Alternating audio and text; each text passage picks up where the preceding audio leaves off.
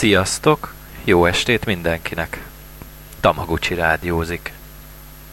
Nem olyan rég, mikor is Bandinak csináltunk egy kisegítő műsort, kezembe akadt Márai Sándor füves könyve. A mai adásban ebből hallhattok idézeteket.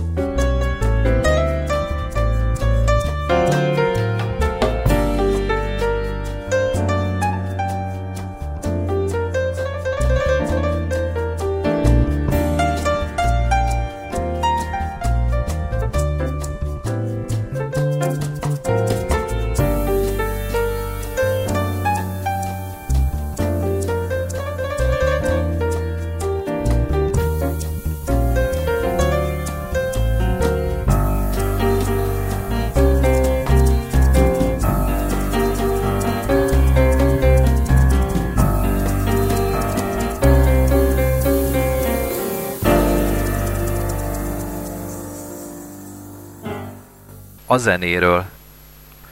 Tolstoynak igaza volt, a zene a legnagyobb kerítő, a legveszedelmesebb csábító.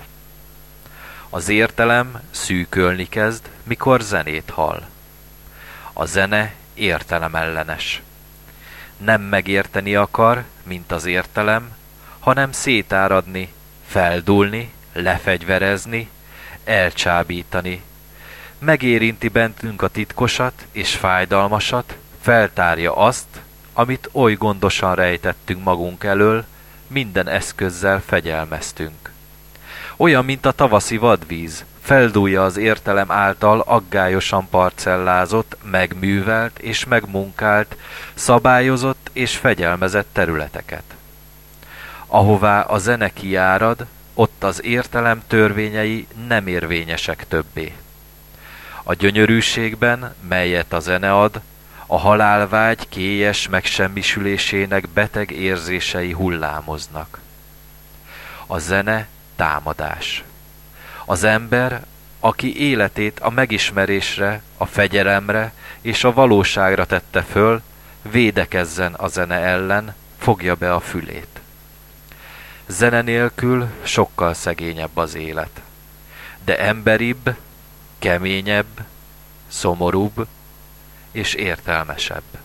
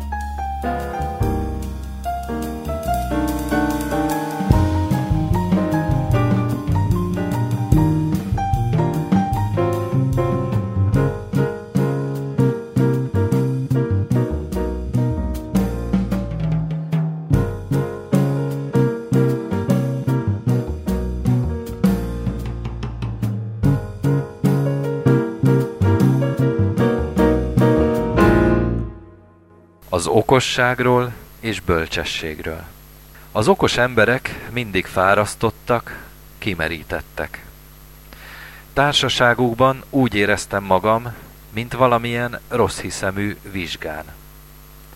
Örökké figyelnem kellett, mert ők is figyeltek engem, összehúzott szempillák alól, mint a vadásza vadat, vajon helyesen felelek-e okos megjegyzéseikre, elég okos vagyok-e ahhoz, hogy ők, az okosak, szóba álljanak velem? Nem. Az okosak mindig fárasztottak, s nem is tudtam meg tőlük soha semmi lényegeset. Többnyire csak azt magyarázták meg, miért nem jó valami, az élet, az ember műve, a tavasz vagy az ősz.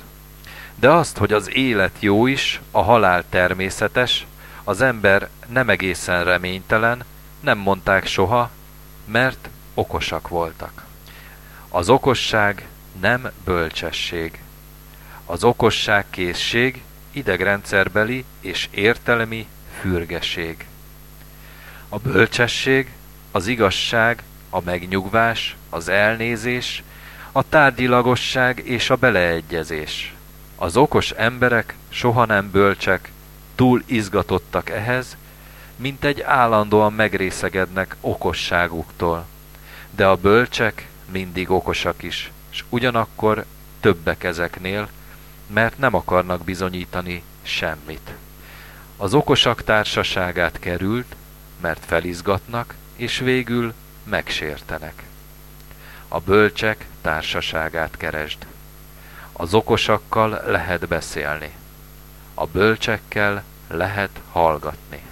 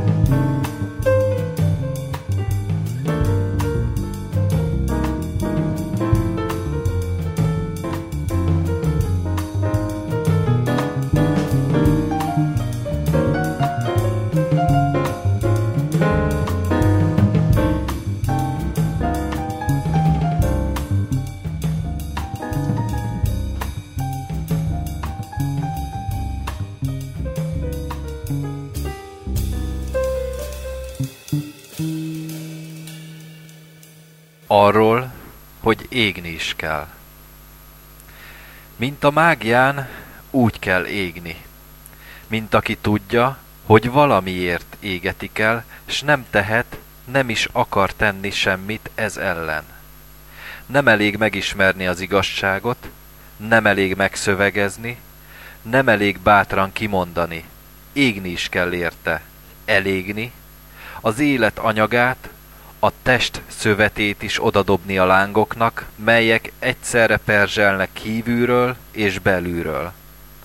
Ezt a mágiát, melyre végül is oda kell állni minden embernek, aki az igazát akarja, ketten rakják. A hóhér és az áldozat. Nem lehet a végén megegyezni. Minden gyakorlat, tapasztalás, óvatosság hiába való. Nem segít semmi, a végén el kell égni, ha azt akarod, hogy valami megmaradjon abból, ami életed értelme volt.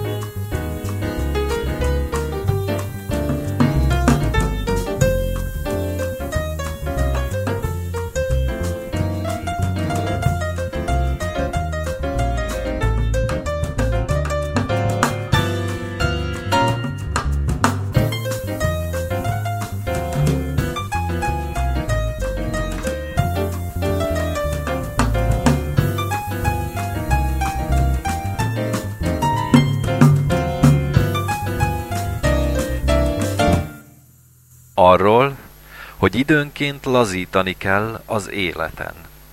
Mint a hajós, kinek hajója nagy viharba jutott, s egyszerre látja, hogy a vitorlák kötelei megfeszülnek, a nagy vitorla szárnyak vészesen megdagadnak az orkán tébolyodott lehelletétől, a húzalok recsegnek és ropognak, s a düledező és táncoló hajófedélzeten, a bőgő és átcsapó hullámok között, imbolyogva, utolsó erejével is a vitorlához és kötélzethez siet, hogy lazítson mindezen.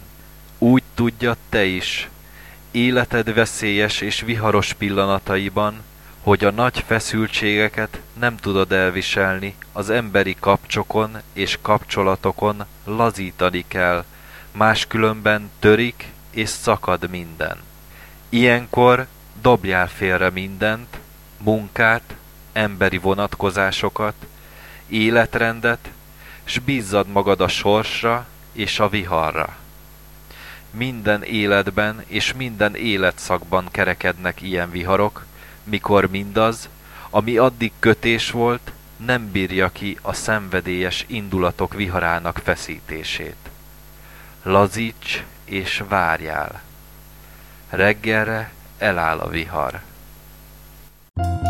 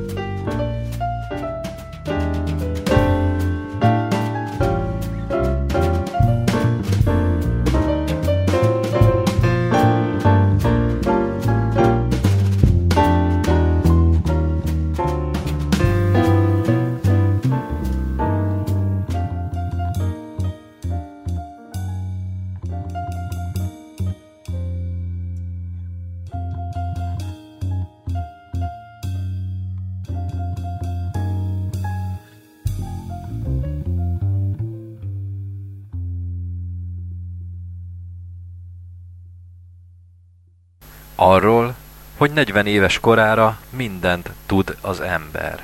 Marcus Aurelius mondja, hogy 40 éves korára egy férfi, akiben világít egy szikrája az értelemnek, mindent megélt és mindent tud, ami előtte történt az időben az emberekkel, s ami az után a következő időben történhet még. A részletek lehetnek változatosak és eltérőek, de az alapélmény, minden emberi élet közös alapélménye 40 év alatt csak ugyan megtörténik minden emberrel. Megélte a szenvedélyeket, tapasztalta a természeti törvények állandóságát, és teljes biztonsággal tudja, hogy halandó. Többet nem tud Cézár sem, Antonius sem, Marcus Aurelius sem. Többet nem fog tudni az ember az időben önmagáról és a világról soha. Minden más csak ismétlődés.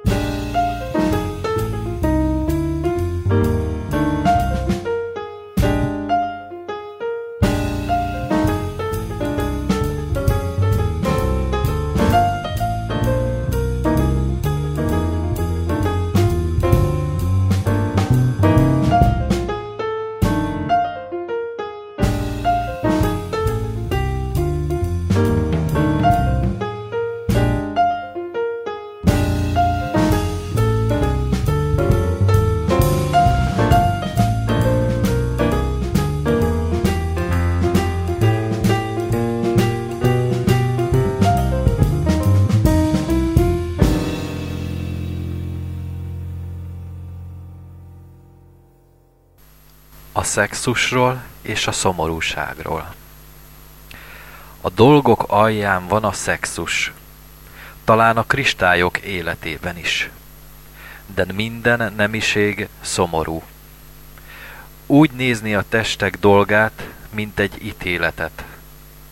Csak a gyöngétség emberi. A szenvedély embertelen és reménytelen. De az ítélet, mely minden elevent szenvedére ítéltet, könyörtelen. Vágy és kielégülés között épül az eleven világ, oly embertelen akarattal, ahogy a fáraók építették mesztelen tömegekkel a piramisokat. Mit remélsz, szegény, mesztelen rabszolga, mikor a kéj szöges ostora csattog a hátadon? Boldogságot? Kielégülést? A világ épületét építed, véred és ondód kötőanyagával kényszermunkát végzel. Csak a tapintat és a gyöngétség tudja a pillanatokra felettetni a nemiség kegyetlen rabságának szomorú kényszerét.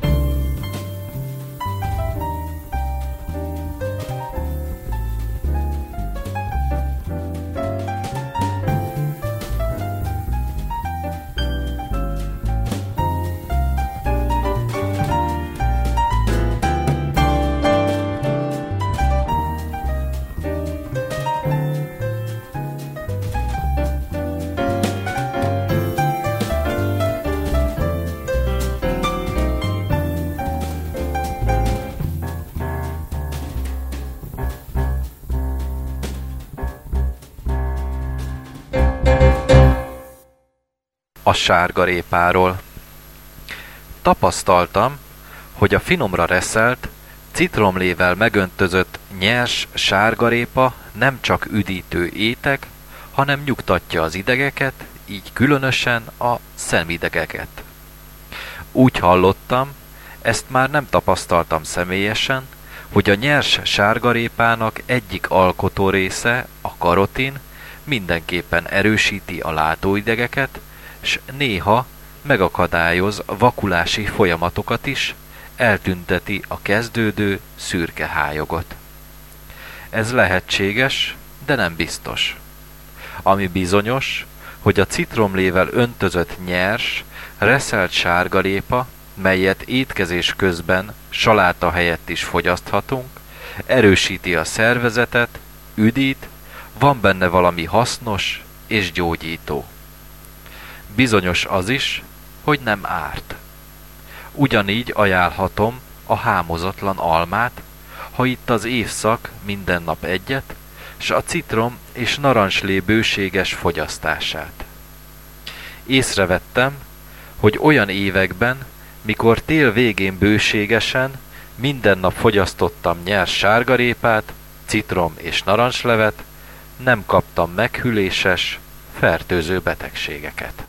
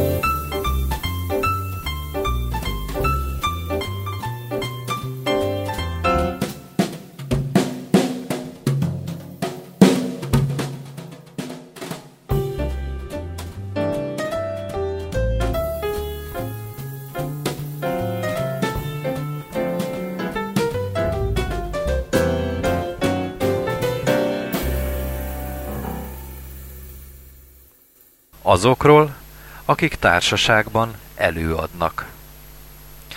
Vigyáznunk kell társaságban azokra az emberekre, akik soha nem asztal szomszédjukhoz, hanem mindig az egész társasághoz beszélnek, azt akarják, hogy minden szavukat minden jelenlévő hallja, zsugorian vigyáznak arra, hogy egyetlen szavuk se guruljon asztal alá, állandóan történeteket mesélnek, előadásokat tartanak a maguk kiválóságának bizonyítására és a társaság elbűvölésére. Az ilyen embereket kedvelik és szívesen hívják társaságba, mert elfoglalják a jelenlévők eszméletét, érdekességeket és néha jókedvű hangulatot nyújtanak az egybegyűlteknek. De ezek az emberek hamis proféták. Nem az fontos nekik, amit mondanak, nem is, hogy meggyőzzék azokat, akikhez beszélnek, egyes egyedül saját hiúságú kielégülése fontos nekik. Az ilyen emberek társaságát tanácsos, gondosan kerülni.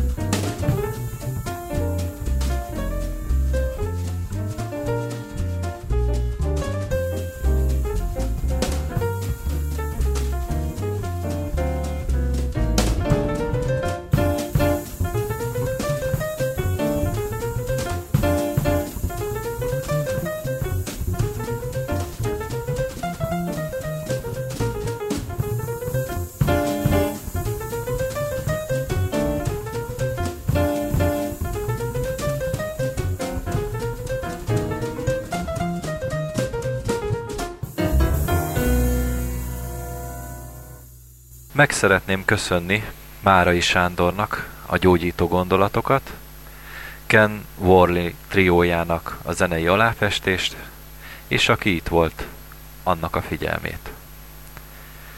Az este hátralévő részére Rozalicska és Jóska műsorához További jó szórakozást. Sziasztok!